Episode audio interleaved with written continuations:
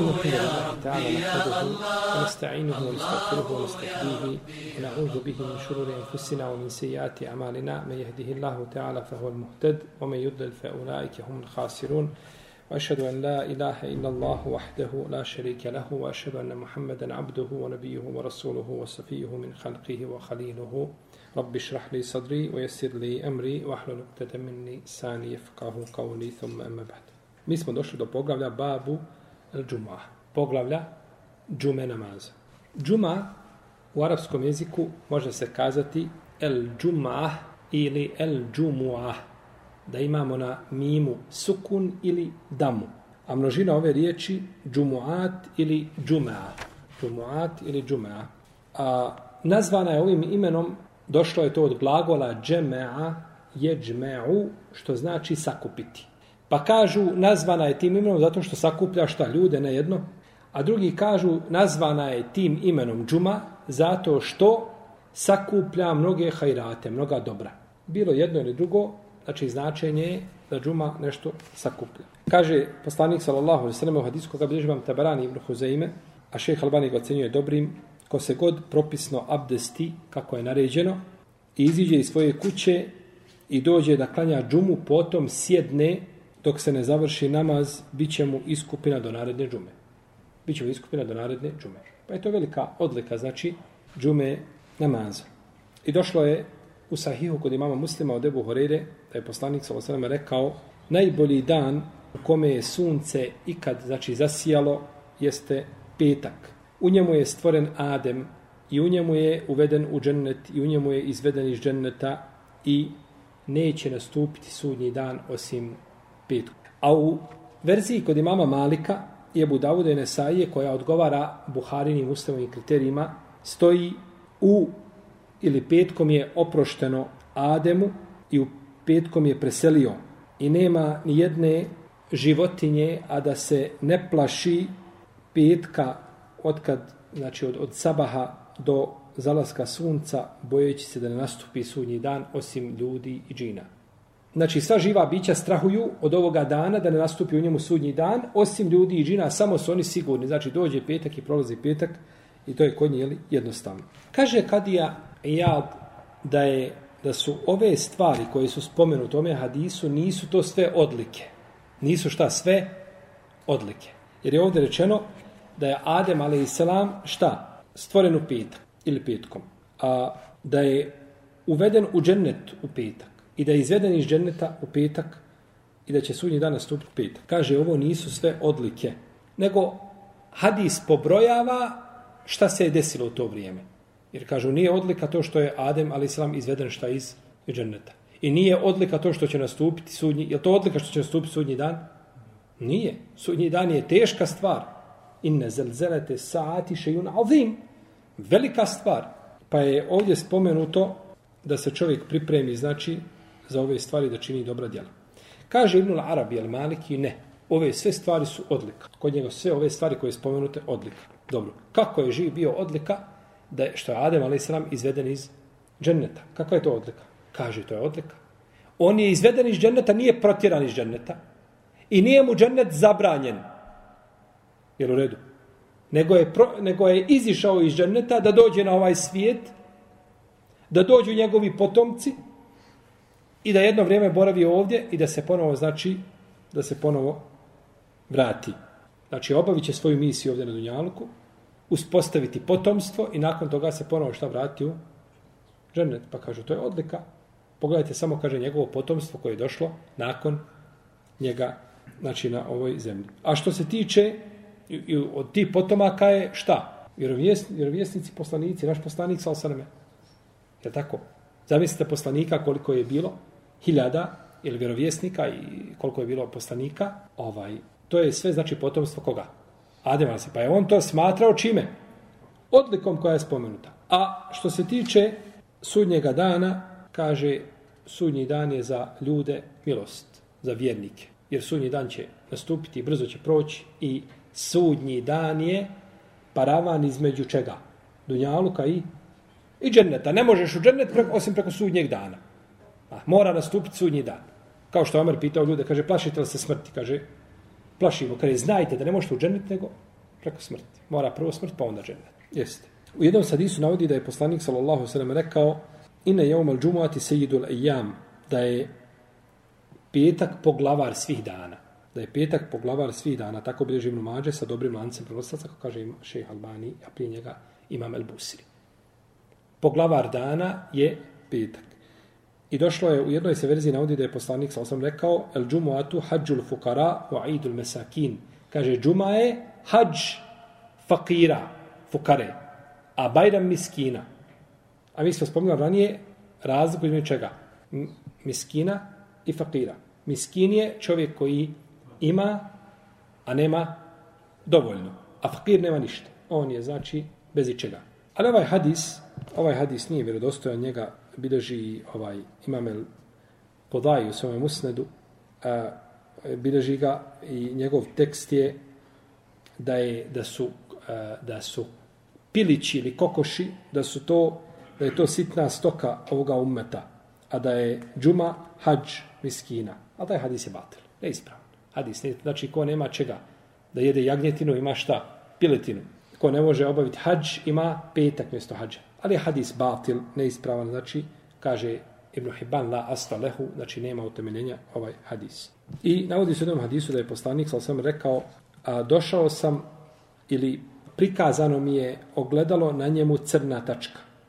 A u drugoj predaji prikazano mi je ogledalo na njemu bijela tačka. Pa sam upitao Džibrilu šta je ovo, rekao je, kaže, ogledalo je petak. A crna, odnosno bijela tačna, tačka, shodno različitim revajetima, kaže, to je sahat petkom u kome Allah prima dovu. Pa jedan sahat jedno vrijeme, govorit ćemo o tome, u kome što uzvišeni Allah te bar prima dovu. Što je spomenuta bijela tačka? Spomenuta je bijela u hadisu zato što je bijela boja najljepša boja. I uzvišeni Allah te bar najviše voli šta? Bijelu boju. Zato čovjek da oblači bijelu boju da u nju uma, jel, da se omotavaju mrtvi muslimani. A crna je spomenuta tako da ne bi znači mogla li, znači zato što je ona e, posebno izražena. Crna boja, kada dođe na ogledalo, znači posebno izražena, pa ne bi se mogla uporediti ni sa čim drugim, odnosno da čovjek ima nejasnoću da li je ovo ili ovo. Ne, ta tačka gdje je, to je taj sahat i nema, znači, i nema drugoga. Za ovaj hadis kaže šeheh Albani da je dobar. Kaže da ima dobar lanac prenosilaca, a ima Melheisemi kaže da su njegovi prenosioci pouzdani. I došlo je u dva sahiha od Ebu Horire da je poslanik sa osaleme rekao mi smo, kaže, zadnji, ali smo prvi. Osim što nam je, kaže, data knjiga, imamo, kaže, imaju ljudi koji imaju data knjiga prije nas. A mi smo dobili knjigu poslije njih. Kaže, i ovo je bio njihov dan koji im je bio isto tako propisan, misli se na petak. Pa su se razišli oko njega. Pa su se razišli, razišli oko tog dana. A nas je Allah uputio ka tom danu. I oni nas slijede u tome. Pa kaže židovi sutra, a kršćani preko sutra. Misli na subotu i nedilju. Židovi su posebno vrijednuju subotu zato što je subotom počelo stvore, stvaranje. A kršćani nedjelju zato što je nedjeljom završeno. Pa su koristili svoj razum. I jedni i drugi. A muslimani su slijedili ono što im je uzvišen Allah te barak tada objavio. I kaže se, navodi su nekim predajama, u nekim verzijama, da je Musa, ali rečeno da svome narodu naredi, znači da petak bude, da svetkuju petak, ako možemo tako kazati, jeli, da, da im to bude znači odabrani dan, pa su se raspravljali sa Musaom, ali što nije subota, što nije ovaj, što nije, pa, pa je rečeno, da, hum, ostavi, pusti. Rečeno im je, rečeno im je tako da zakolju i kravu, pa se raspravljali, tako. Inna Allah je, moru komentet bahu bakara. Kalu te tahiduna huzova, zar se sa nama kaže ismijavaš, zar se sa nama izigravaš. A, kaže, kad je jald, po spoljašnjem značenju, po svemu sudeći da je i njima propisana džuma kao nama, da bude šta odabrani dan. Pa su se raspravljali i ovaj stoga nije ovome umetu nije ostalo, nego je propisano, znači nije se raspravljao ovaj umet, pa je ostalo znači džuma njima, pa su dobili odliku džume. I džuma je bila posebno odabran dan i u džahilijetu. A, I on je najbolji dan u sedmici i razilaženje je da li je bolja džuma ili dan refata. Pa je ispravno kaza da je džuma najbolji dan u sedmici, a da je džuma, a da je arefat najbolji dan u godini. S tim što ima razilaženje između arefata i čega? Kurban Bajrama. Jeste prvi dan Bajrama, ali kog Bajrama? Kurban Bajrama. Znači Kurban Bajrama. To je razilaženje znači među islamskim učenjacima. Kaže še Ebu Hamid al-Gazali da je džuma bila propisana u mekanskom periodu prije hijdžre. Šta, da je još u Meki bila propisana ko džuma. Kaže Ibn Hajar, postoji mogućnost da je džuma bila a, propisana u Mekki, da je to znao putem objave, pa je potom to nije mogao znači obaviti osim nakon dolaska šta u, u Medinu. Abdu ibn Humeid bileži u svome tefsiru od Ibn Sirina da je rekao, Mohamed ibn Sirin da je rekao, sakupili su se Medinjani prije nego što je poslanik sa došao i prije nego što je objavljena džuma. Pa su rekli Ensarije, kažu, židovi imaju jedan dan u kome se sastaju također i kršćani. Kaže, što i mi ne bismo imali jedan dan u kome ćemo staviti, hvaliti veličiti uzvišenog stvoritelja Tebarake Oteala. Pa su učinili da to bude petak. Sastali su se i pozvali Esada ibn Zuraru, pa im je klanjao dva rekiata. Potom im je držao hutbu. Ili im je držao hutbu, pa klanjao dva rekiata. Pa su ga nazvali El Džumua, ona koja sabiri ljude. Pa im je zaklao ovcu, pa su ručali i večerali, znači od te ovce, od tog mesa. Potom je uzvišen Allah te barek tala objavio ja i uheledine amenu i da nudi ali salati mi jevum il džumati fesao ila zikrillah. O vjernici, kada budete pozvani petkom na namaz, požurite da spominjete Allah. Pa je u ome predaju ovo šta dokaz da je džuma bila znači prije čega? prije dolaska poslanika sa osrme u Medinu. I došlo u predaj kod Dare Kutnje od Ibn Abasa, kaže, dozvoljeno je, kaže, dozvoljeno je poslaniku sa osrme, dozvolila mu se džuma prije hijdžre. Ako kaže, dozvoljena mu je džuma prije hijdžre. Ali je nije mogao obavljati u Meki, pa je napisao Musabu Ibn Umeiru, kada kaže, pređe sunce na drugu polovinu neba, kaže, ti sakupi ljude. Ti sakupi ljude i klanja im dva rekiata. Pa je to bila prva džuma. Ulema se dakle razilazi da li je džuma namaz propisan u Mekki ili je propisan još šta? Tek nakon hijdžre u Medini. I tu imamo mišljenje, dva mišljenja kod islamskih učenjaka. Ovo je prvo koje smo spomenuli da je Ebu Hamida el-Gazali je odabrao ga Ibn Hajar el-Hejtemi ili el, el, Ibn Hajar el-Hejtemi poznati šafijski šta? Pravnik. Poznati šafijski pravnik Jer ovdje se kaže el-hejsemi, a to je pogrešno el-hejsemi, treba Ibnu Hajar el-hejtemi. To je šafijski učenjak koji je umro u desetom hiđarskom stoljeću. On je, rahimehullahu ta'ala, protekvirio šeho Islama Ibn Tejmi. To je, naravno, ovaj neprihvatljivo, a Ibn Hajar ostaje alim. Ostaje alim ummeta i neće smo zbog toga što je protekvirio šeho Islama Ibn Tejmi, znači odbaciti njegova ilmi znanje koje ima. Bože sačuva, nego to je bila sigurno greška sa njegove strane, rahimehullahu ta'ala, wa gafara lahu. I to je više odobro El Hatibe Šerbini i odabro ga Ševkjani, Sujuti i druga ulema. Kaže, imam Ševkjani, džuma je propisana poslaniku Salasrme u Meki prije Hidžre. I imam Sujuti je ovaj propis ubrojao ili ajet u suri al džumua ja i amenu i da nudi ali salati mi jeumil džumuati ubrojao je taj ajet u ajete koji su došli nakon propisa. Kako? Prvo došao šta? Propis, pa onda objavljen ko?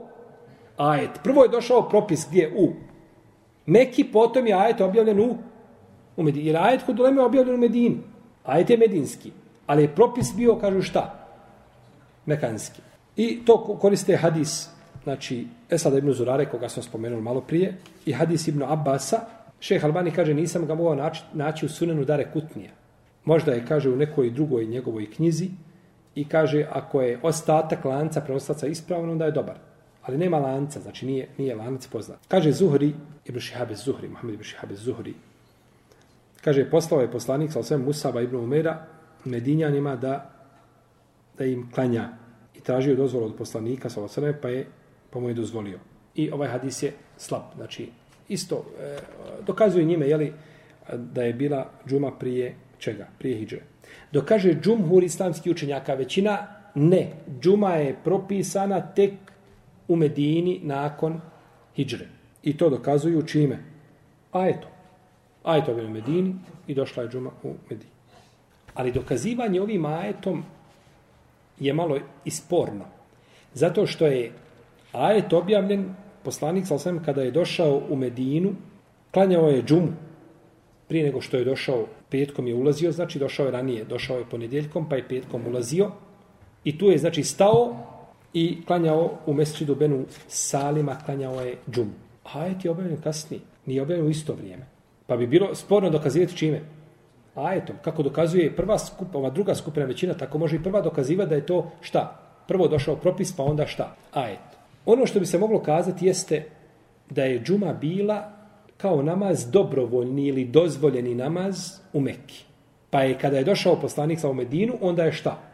Potvrđena njena obaveza. I tako bismo spojili dva mišljenja.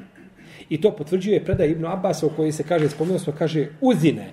Dozvoljeno je poslaniku, dozvolilo mu se u Medini šta da obavlja džumu. Pa je bilo dozvoljeno, a nije bilo šta? Obavezno, nije bilo naređeno. I tako bi spojili dva mišljenja, znači da je to u, Medi, u Mekki bilo a, od, od stvari koje su bile pohvalne i dozvoljene, ali i poslanik sam sam nije mogao činiti zbog čega? Zbog stanja i hala u kome se nalazi, jer jednostavno, znači, ovaj uvijek se treba uzeti, znači, u obzir stanje u kome se čovjek nalazi. Pa mekanski period nije kao medinski. I to je što su mnogi danas ovaj a, koji pozivaju Allahu pobrkali ove ove stvari. Kod njega je nakon Medine uvijek medinski period. Nije tako. Muslimani se mogu naći u mekanskom periodu. I mi danas ličimo više mekanskom nego medinskom periodu. Evo, pogledajte danas muslimane. Pogledajte muslimane u Burmi. Šta budisti rade? Ili u veću blizu Burme ova zemlja što, što ih masakriraju i tako dalje. Ko je digao svoj glas? Svaki dan porodica muslimanske djece preseli, umre, e, ova, jeli, biva ubijena i tako da. Ko je taj ko digne glas? I mi u medinskom periodu nekakvom ima neko ko će zaštiti muslimana, interese muslimana. Ima neko da izgleda kaže, nemojte ljudi, nema smisla. Pa smo bliže u mekanskom, pa kad je čovjek u mekanskom periodu, ili neč, nečemu, u nečemu što liči mekanskim, mekanskom periodu, e onda mora znači, znači, znači sebe postaviti. Kako će raditi? Kako radio poslanik sa osaname u tom periodu? Dok uzvišeni Allah azuđer ne otvori muslimanima, znači da mogu javno pozivati ljude u islam i govoriti. Znači, e, fikhu dava, dava, braćo, nije samo da pozivaš, nego ima posebni, imaju predmeti koja, koji se izučavaju, to je fikhu dava. Fik pozivanja ljudi. Jer pozivanje nije samo da pozoveš, nego način da pozoveš i da korist bude veća od štete. Jeste. Pa poslanik sa osanem nije u Meki šta? Klanjao, znači, uh, nije klanjao džume. Jer, braćo, nije čovjek uvijek u mogućnosti da sprovede sve odjere, ne džašija. Kaže šehol, sam imate imi u svome dijelu, a, a, Minhađu sunne, kaže, kategorički, kaže, nije sudio po Kur'anu i po sunnetu. Jer, kaže, znao je da ljudi koji su tu oko njega ne bi to prihvatili. I ne bi stali uz njega. I napravio bi... Pro... I, i, pa kad je umro poslanik, sam kaže, umro jedan šta dobri Allahu rob, hajdemo klanjamo, jel tako? Pa, pa je poredao ljude, klanjamo šta? Čenazu. On je radio od vjere što može. Ima nešto ne možeš, nisu tvoje mogućnosti. Ti radi koliko može. Allah te ne opterećuje mimo tvoje mogućnosti da ti moraš, znači, Allahu vjeru raširiti od istoka do zapada i da mora u, u tvoje vrijeme zasijeti barak Islama na, na, na krajnjem istoku i krajnjem zapadu. Ti urad za Allahu vjeru što možeš, a kada vidiš da će zlo biti veće od, od štete, onda to ostaje. I to je mnogima, znači, ovaj, a, nije, nisu ove činjenice na umu. Nego radi, znači, udara glavom od zid, a nije razmišljao prije toga da je zid tvrđi od glave.